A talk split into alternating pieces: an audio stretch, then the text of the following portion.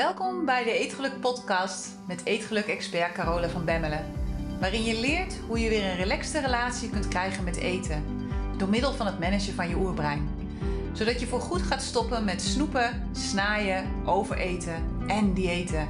En weer trots bent op jezelf. Dag mooie vrouw, daar ben ik weer.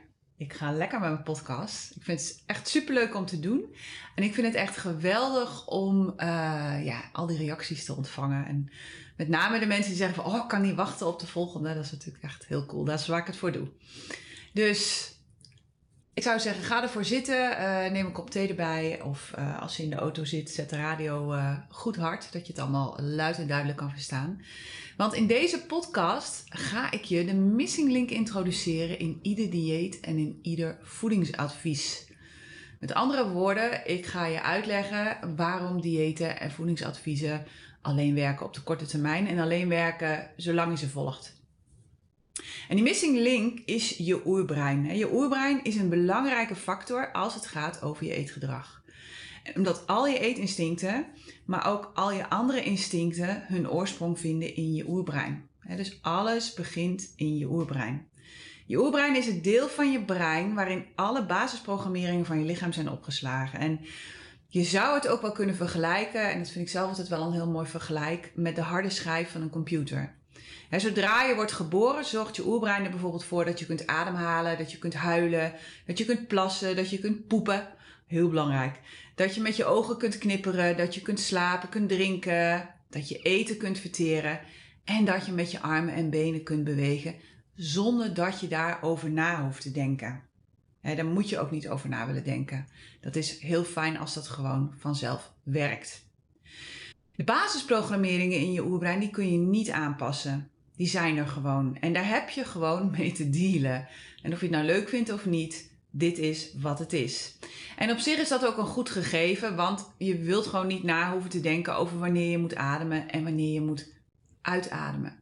En je wilt ook niet na hoeven te denken voordat je je vingers beweegt om bijvoorbeeld iets in te typen of bijvoorbeeld voordat je een stukje wilt lopen. Hè, welke spieren moet ik allemaal bewegen, want ik wil gaan lopen. Hè, dus van alle basisfuncties van je lichaam wil je gewoon dat ze automatisch verlopen. En dat is dan ook waar je oerbrein voor zorgt. Goed, als je dan kijkt naar je oerbrein, dan bestaat dat grofweg uit twee afdelingen. Er gebeurt natuurlijk veel meer in je brein, maar je weet, ik ben van de Jip en Janneke. Ik vind het erg fijn om ingewikkelde dingen zo simpel mogelijk uit te leggen, zodat we ze ook snappen. Ik ben geen wetenschapper, wil ik ook helemaal niet zijn, is niet mijn vak. Dus ik hou het graag simpel. En vanuit die eenvoud, ja, kun je zeggen dat je oerbrein bestaat uit twee afdelingen. En dat is je reptiele brein en je zoogdierenbrein. Je reptiele brein is het oudste deel van je brein. Dat bestaat al meer dan 560 miljoen jaar. Dus dat is best wel wel een tijdje hier. En is het deel dat volledig automatisch werkt dus in dit deel worden alle basisfuncties van je lichaam geregeld. die functies waar ik het net over had. Maar bijvoorbeeld ook eten en drinken, seks, veiligheid, comfort en bij een groep horen zijn allemaal dingen die voor ons heel belangrijk zijn om te kunnen overleven. Dus eigenlijk alles wat je nodig hebt om te overleven en je voor te planten, wordt geregeld in je reptiele brein. Het is het onderste stukje, het is ook wel ja, het stukje van de hersenstam waarin je reptiele brein zit. En dat functioneert volledig in het nu en het is volledig neutraal. dus het maakt, het maakt je reptiele brein niet uit uh, of het goed met je gaat, ja of nee, in de zin van um, dat het oordelen heeft over bepaalde situaties. Het zoogdierenbrein is het deel van je oerbrein waar je emoties huizen. En waar reacties worden getriggerd die te maken hebben met emoties dus je kunt je voorstellen dat dit deel van je oerbrein bij je geboorte is geprogrammeerd met basisgedrag. Maar eigenlijk is het gewoon een lege bak waarin steeds meer kaarten komen te staan met gedrag dat nodig is om te kunnen overleven in je omgeving. Dus als jij bijvoorbeeld in uh, Rusland geboren wordt, zullen er andere kaarten in je bak staan dan wanneer je bijvoorbeeld in Hawaii geboren wordt. Bepaalde basisdingen zullen overal in zitten. Maar Iedere situatie is anders, dus je zult je in iedere situatie ook anders moeten gedragen. Het culturele gedragspatroon, wat ik het net ook al over had, dat wordt ook in dit deel van je brein geprogrammeerd. Hè? Dus denk bijvoorbeeld aan bepaalde gevoelens die je hebt met kerst of hoe je omgaat met je familie. Je zoogdierenbrein kan beslissen hoe jij je voelt. Dus zodra je een emotie of een sensatie ervaart, wordt dit deel van je brein in werking gezet. Je zoogdierenbrein functioneert op basis van ervaringen in het verleden. En als ik, zoals ik net al zei, dit is eigenlijk, dit deel van je brein is eigenlijk de enorme kaartenbak in je hoofd, het archief waar je brein iedere keer weer induikt als je een bepaalde situatie meemaakt. En ja, zoals ik het me dan voorstel, is dat je zoogdierenbrein van alles dat je meemaakt een notitie maakt. En in deze notitie zegt het dan natuurlijk wat je hebt meegemaakt, hoe dat voelde, hoe je het hebt opgelost en of het succesvol was. En vervolgens wordt deze notitie opgeslagen in die kaartenbak in je hoofd. Dus naarmate je ouder wordt, krijg je steeds meer kaarten over situaties en over hoe je dat hebt opgelost in je hoofd. En zodra je dan een volgende keer in eenzelfde situatie terechtkomt, dan is het eerste wat je oerbrein doet, dat is dat het in de kaartenbak duikt en dat het nakijkt of je dit al eerder hebt meegemaakt. Want wanneer dat het geval is, zal het je automatisch sturen naar gedrag dat je de vorige keer heeft geholpen. En dat is aan de ene kant heel erg mooi, maar aan de andere kant veroorzaakt dat soms ook grote problemen. want stel, je hebt ooit 20 kilo te veel gewogen en je hebt succesvol een dieet gevolgd dan heeft je oerbrein dat opgeslagen in die kaartenbak. Maar wanneer vervolgens de weegschaal weer omhoog klimt, dan zal je oerbrein deze succeservaring uit die kaartenbak halen en ervoor zorgen dat je weer op dieet gaat. Het zal dus zeggen van hé, hey, de vorige keer heb je het zo opgelost, dat was succesvol, dus ga maar weer op dieet. Punt is alleen dat het omgekeerde ook het geval is. Stel dat je nog nooit succesvol een dieet hebt gevolgd, dan is dat de informatie die je oerbrein zal opduikelen uit die kaartenbak. En dat zorgt ervoor dat het je zodanig zal manipuleren dat je nooit aan een volgend dieet gaat beginnen. Want je oerbrein weet, toen en toen en toen heb ik dat gedaan, is niet gelukt, voelde niet fijn, dus dat is gevaarlijk voor mij. Hetzelfde geldt voor liefdesverdriet. Stel dat je in het verleden een verbroken relatie hebt gehad en dat je dat hebt opgelost met chocola. En dat het heel succesvol was, want dat je je daardoor meteen veel beter voelde dan zal je oerbrein bij een volgende verbroken relatie weer zeggen van hé, hey, haal maar even een doos bonbons, probleem opgelost. Dus het is belangrijk dat je begrijpt hoe dit werkt, maar ook dat je begrijpt dat je iedere dag opnieuw kaarten toe kunt voegen aan de kaartenbak, maar ook dat je kaarten eruit kunt halen als je dat wil. dus als er bepaalde patronen in de kaartenbak zitten die je niet langer wil gebruiken, dan kun je ervoor zorgen dat die steeds meer naar de achtergrond gaan. Dat we steeds verder achteraan in die kaartenbak komen te staan. Des te vaker een kaart, een patroon door je brein wordt gebruikt, des te meer vooraan deze kaart in de kaartenbak terechtkomt. En des te eerder hij dus door je brein zal worden gebruikt. En dat betekent dat wanneer je een nieuwe gewoonte aan wilt leren, dat je ervoor moet zorgen dat deze nieuwe gewoonte vooraan in de kaartenbak komt te staan. En er is maar één manier om dat voor elkaar te krijgen, namelijk door hem heel vaak te herhalen. Want des te vaker je iets herhaalt, des te belangrijker je oerbrein denkt dat het voor je is. En des te sneller zal het dat gedrag automatiseren. Goed, even terug naar je oerbrein. Zoals ik dus net heb uitgelegd, bestaat je oerbrein grofweg uit twee delen. Je reptiele brein, dat functioneert volledig in het nu, en je zoogdierenbrein. En dat functioneert volledig vanuit het verleden. Deze twee samen besturen jouw onbewuste gedrag en dat doen ze primair op basis van hoe jij je voelt. Want je moet je voorstellen dat we in de oertijd nog niet konden denken zoals we dat nu kunnen. Het mensenbrein hadden we toen nog niet. We konden toen alleen maar voelen en primair reageren op wat er gebeurde. We leefden volledig in het nu en we leefden volledig vanuit het huidige moment. We konden niet vooruitdenken en we konden dus ook niet plannen. Eigenlijk een beetje hetzelfde als dieren. En in die oertijd hadden we dus geen mensenbrein. En dat mensenbrein zoals we het nu kennen is nog heel nieuw. Hè? Dat is ongeveer 200.000 jaar oud. Nou, en ons oerbrein is 560 miljoen jaar of nog ouder. Dus het mensenbrein is een relatief jong ja, brein, jonge ontwikkeling in ons lichaam. En dat betekent dat we eigenlijk, totdat we een mensenbrein hadden, primair vanuit onze basisinstincten hebben geleefd. Nou, en die basisinstincten zijn zoek plezier, vermijd pijn en bespaar energie. En ook al hebben we nu de beschikking over een prachtig mensenbrein, als je een beetje om je heen kijkt, dan zie je dat de meeste mensen nog steeds primair leven vanuit hun oerbrein. we zijn namelijk nog steeds de hele dag bezig met het zoeken van plezier, het vermijden van pijn en het besparen van energie. En het mooiste voorbeeld is natuurlijk Netflixen op de bank met een zak chips. En dit gedrag heeft niks ermee te maken dat we een slappeling zijn of dat we een loser zijn. Dit gedrag is volkomen logisch. Want we hebben namelijk nooit geleerd hoe ons oerbrein werkt en hoe we het kunnen managen. Dus hoe we voorbij die basisinstincten kunnen gaan leven. Daar komt bij dat ons oerbrein 99,99% van alle beslissingsaandelen in handen heeft als het gaat over je gedrag. En exact dat is waarom we zo ontzettend veel problemen hebben met eten, maar ook op heel veel andere gebieden van ons leven. En we hebben nooit geleerd over de factor die al ons gedrag bestuurt. En we hebben ook nooit geleerd hoe deze CEO, zo noem ik hem dan maar even, van al je gedrag werkt.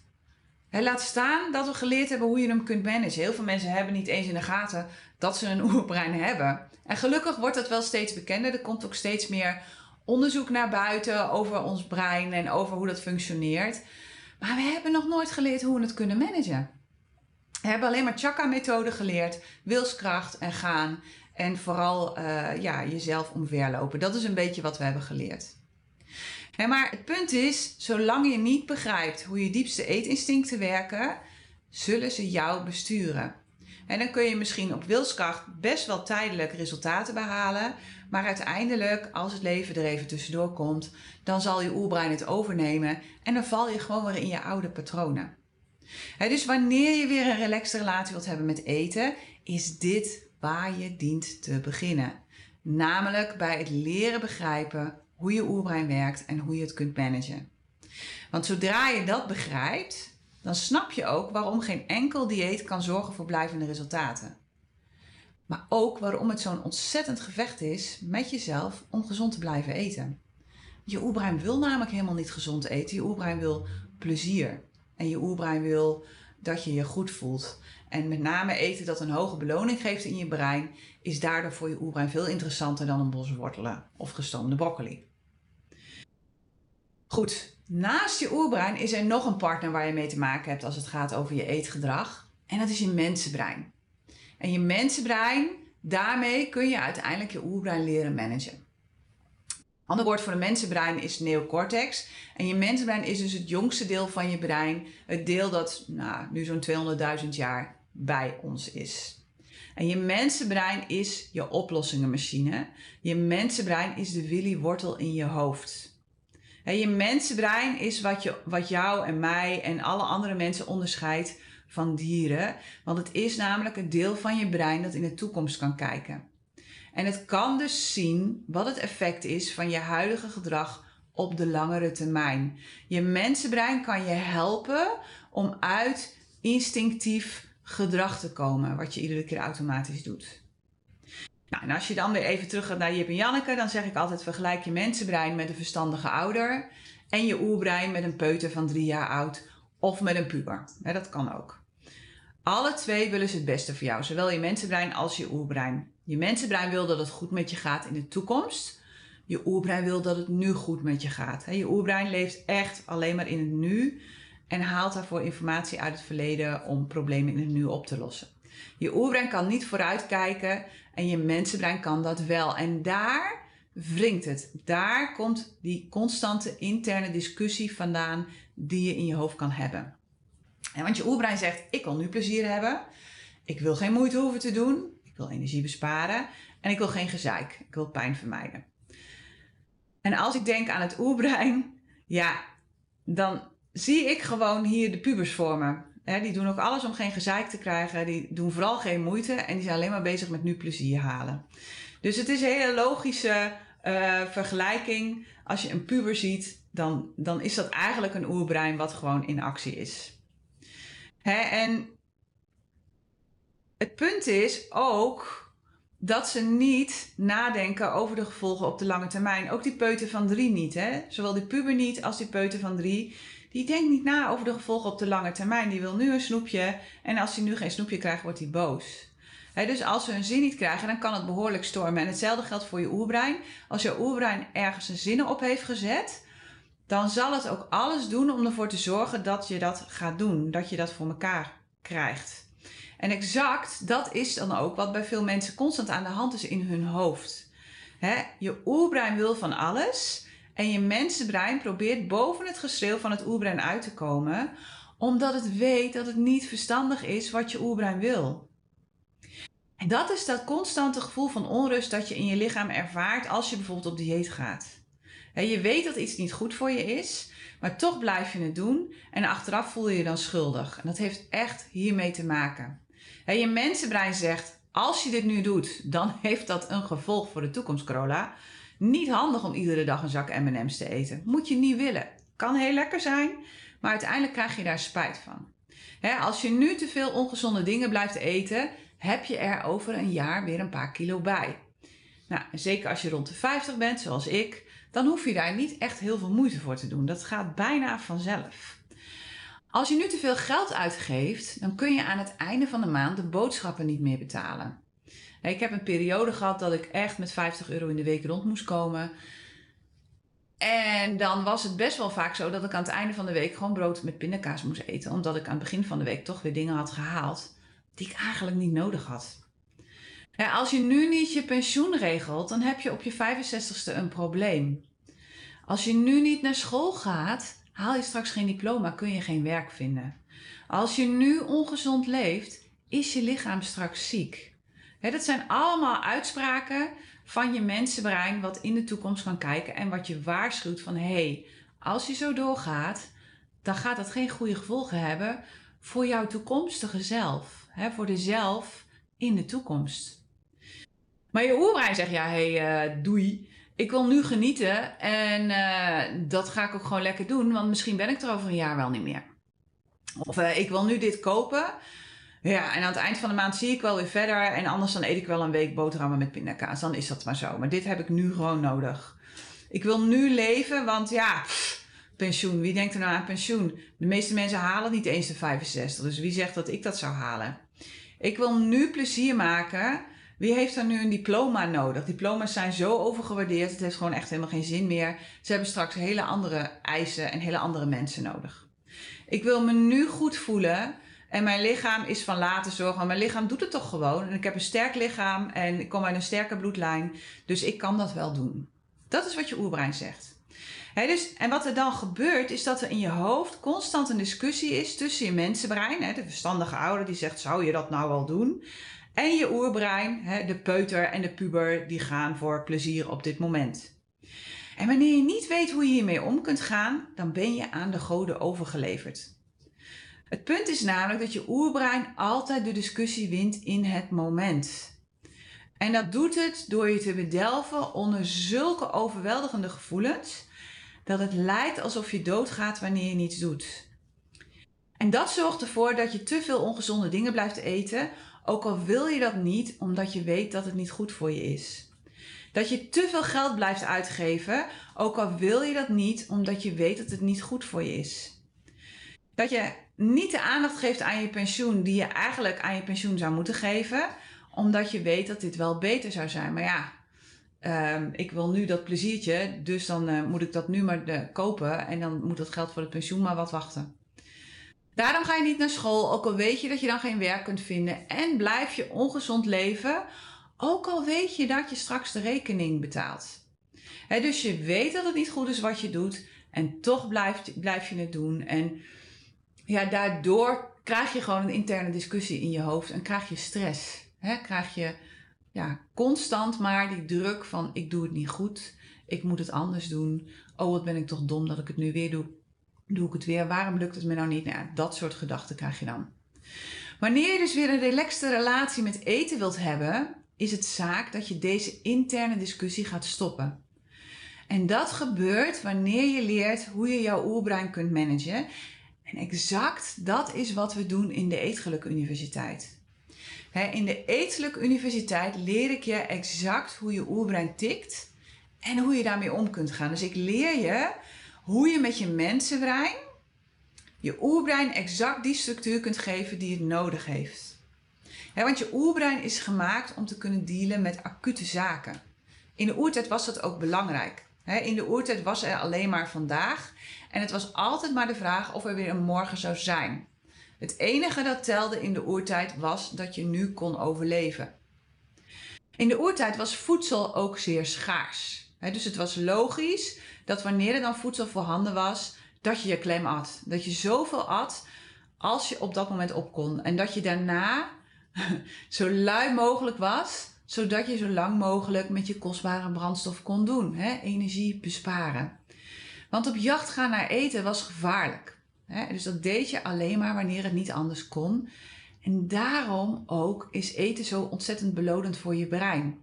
Want we hebben het nodig om te kunnen overleven. En daar komt bij dat het in de oertijd ontzettend gevaarlijk was om je veilige schuilplaats te verlaten. Dat deed je alleen maar voor iets waar je je supergoed van ging voelen. En dat was eten of het was seks. Nou, en dat zijn alle twee dingen die enorm belangrijk zijn voor ons voortbestaan als mens. Dus hoe mooi is dat eigenlijk door de natuur geregeld? Punt is alleen dat de oertijd nu heel anders eruit ziet. De oertijd is niet meer. Je oerbrein denkt tot op de dag van vandaag echter nog steeds dat voedsel schaars is. En dat je zuinig moet zijn met energie. En dat wanneer je je niet goed voelt, dat je dan doodgaat. dus Iedere dag opnieuw functioneert je oerbrein nog steeds vanuit die drie basisregels. Je oerbrein is niet geüpdate naar de huidige tijd. Er is geen versie 2.0 of 3.0 van. En dat is eigenlijk ook het hele vervelende, want waar het je in de oertijd enorm hielp om te kunnen overleven, dat je zuinig was met energie en dat je altijd maar bezig was om je goed te voelen, dat is wat nu onze dood wordt dus het is echt belangrijk dat we alle drie deze functies bewust gaan omkeren. Want voedsel is niet meer schaars. Het is juist heel belangrijk om te bewegen, want we bewegen eigenlijk veel te weinig. En je gaat echt niet dood als je je een keertje niet goed voelt. Je mensenbrein weet het. En je mensenbrein is dus de sleutel in dit verhaal. Want wanneer je gaat begrijpen hoe je met je mensenbrein je oerbrein kunt managen, dan kun je de basisprogrammering uit de oertijd omzeilen. Hij zal er altijd blijven, maar je kunt leren hoe je daar op een andere manier mee om kunt gaan, zodat hij voor je gaat werken in plaats van tegen je. Want op dit moment werkt hij ons tegen op heel veel fronten. En hierin is het belangrijk dat je realiseert dat er voor je oerbrein maar één ding belangrijk is. En dat is in de basis dat je je nu goed voelt. Want wanneer je je goed voelt, is dat voor je oerbrein het teken dat je veilig bent. En daarom is je oerbrein constant aan het meten hoe je je voelt. Het meet op basis van je hormonen, het meet op basis van neurotransmitters, het meet op basis van temperatuur, het meet op basis van allerlei gegevens die het krijgt via jouw zenuwstelsel, via jouw hormoonstelsel, hoe het met je gaat. En een belangrijke indicatie daarvoor zijn je emoties. Wanneer je positieve emoties ervaart, zoals geluk, en liefde en blijdschap, dan voel je je over het algemeen goed. En dat is voor je oerbrein een teken dat het niet in actie hoeft te komen. Maar wanneer je negatieve emoties ervaart, en dat, ja, we ervaren eigenlijk meer negatieve emoties dan positieve emoties, zoals stress en verdriet en verveling, dan voel je je niet goed en denkt je oerbrein dat je niet veilig bent. En wanneer dat het geval is, komt je oerbrein gelijk in actie. En wat het dan doet, is dat het in de kaartenbak duikt en op zoek gaat naar soortgelijke situaties uit het verleden. dus wanneer heb je dat nog eerder meegemaakt? Dat je uh, een hekel had aan jezelf als je in de spiegel keek. Dat je uh, gezakt bent voor een examen. Dat je uh, liefdesverdriet had. Dat iets niet lukte. daar gaat je oerbrein dan kijken in die kaartenbak van hey, wanneer heeft ze dat nog meer meegemaakt? En vervolgens kijkt het naar de meest succesvolle oplossing in een dergelijke situatie. dus het gaat kijken van oké, toen en toen en toen is dat gebeurd. Hoe heb je dat opgelost? Oh, dit was succesvol. Dan gaan we daar mee aan de bak. En de, um, het meten van, van de oplossing, hè, hoe succesvol een oplossing is, dat is altijd de oplossing voor je brein waarbij de grootste hoeveelheid dopamine is afgegeven. dus des te meer dopamine er wordt afgegeven door iets, door voeding of door een oplossing, des te belangrijker je brein denkt dat het voor je is. Dopamine is het hormoon dat wordt aangemaakt in het beloningscentrum van je brein. En ja, des te hoger het beloningsgevoel dat iets veroorzaakt in je brein, des te belangrijker je brein die bepaalde actie zal vinden. dus wanneer je je niet goed voelt, zal je oerbrein je daarom niet naar de sportschool sturen of een worteltje laten eten. Want het geeft namelijk geen hoge beloning in je brein. Wat het zal doen, is dat het je zal sturen richting een zak chips, richting een stuk taart, een reep chocola, een glas alcohol, een porno-site, Netflix, een winkelcentrum, Zalando. Al die activiteiten die namelijk Um, ja, het zijn allemaal activiteiten die zorgen voor een hoge beloning in je brein, waardoor je nu op dit moment gelijk beter voelt. En wanneer je nu gelijk beter voelt, denkt je oerbrein dat je veilig bent. Het punt is alleen dat je je misschien op dit moment, hè, op het moment van de actie zelf, even beter voelt, maar daarna voel je je vaak nog schuldiger. Omdat je na de actie op je donder krijgt van je mensenbrein, dat je haar fijn vertelt wat het effect van dit soort acties in de toekomst zal zijn. dat zal meteen zeggen, joh Corolla, dit was niet handig hè, wat je nu gedaan hebt. Nou, en wat er dan gebeurt is dat je je nog slechter voelt dan voorheen. Dat je gaat denken dat je een loser bent, dat het je nooit gaat lukken en dat het anderen wel lukt, maar jou niet. En dan komt je oerbrein dus weer in actie. Want zodra jij je niet goed voelt, denkt je oerbrein dat je in gevaar bent. Nou, je snapt het al, dit is een eindeloze cirkel. Dit is de eet-dieet-spiraal. Dit is het yo-yo-effect. Dit is het eindeloze hamsterwiel waarin zo ontzettend veel vrouwen gevangen zitten. Je eet, je voelt je even fijn. Vervolgens ben je boos op jezelf omdat je toch weer hebt laten gaan. En ga je nog meer eten. Net zolang tot je het zat bent en zo boos bent op jezelf en zo'n hekel hebt aan jezelf dat je de knop omzet. de knop moet om. En je gaat jezelf straffen met een volgend dieet. Nou, dit hou je dan tijdelijk vol op wilskracht, totdat je je zo slecht voelt dat je oerbrein het uiteindelijk weer wint en je jezelf weer gaat saboteren. Nou, zo ben je misschien al 20, 30 of zelfs 40 jaar bezig. In ieder geval is dit een manier die je op de lange termijn niet gaat helpen. Ik zeg altijd dat een relaxte relatie met eten helemaal niet gaat over eten, maar gaat over de relatie die je hebt met jezelf. En nu je weet dat je oerbrein aanspringt wanneer je je niet goed voelt. En dat je oerbrein je dingen laat doen om je wel weer goed te laten voelen. Dan begrijp je dat hoe je je voelt een van de belangrijke sleutels is naar een relaxe relatie met eten. En volgende week ga ik daarmee verder. Volgende week ga ik verder met de vierde stap in het eetgelukmodel. En die stap heet omarm jezelf. En deze stap gaat over het leren waarderen van jezelf zoals je nu bent omdat dat de sleutel is naar jezelf beter voelen in het moment, waardoor je dus je zelfsabotage kunt gaan stoppen. Goed, ik wens je een heerlijke week. Als je deze podcast waardevol vindt, geef hem dan vooral door aan vrienden, familie en bekenden. Laat ze meeluisteren. Laten we er samen voor zorgen dat alle vrouwen in Nederland gaan stoppen met diëten en hun vrouwpower gaan gebruiken voor dingen die er echt toe doen. Tot volgende week. Hey, als je het fijn vond om naar deze podcast te luisteren, kijk dan eens naar de Eetgeluk Universiteit. Dit is de Netflix op het gebied van eetgedrag, waarin ik dieper inga op alles dat ik deel in deze podcast. En waarin ik je leer hoe je dit kunt toepassen in jouw leven. En misschien wel het allerbelangrijkste, op jouw eetgedrag. Je vindt alle informatie op degelukkigeeter.nl. Het lijkt me super om jou daar te zien. Tot daar.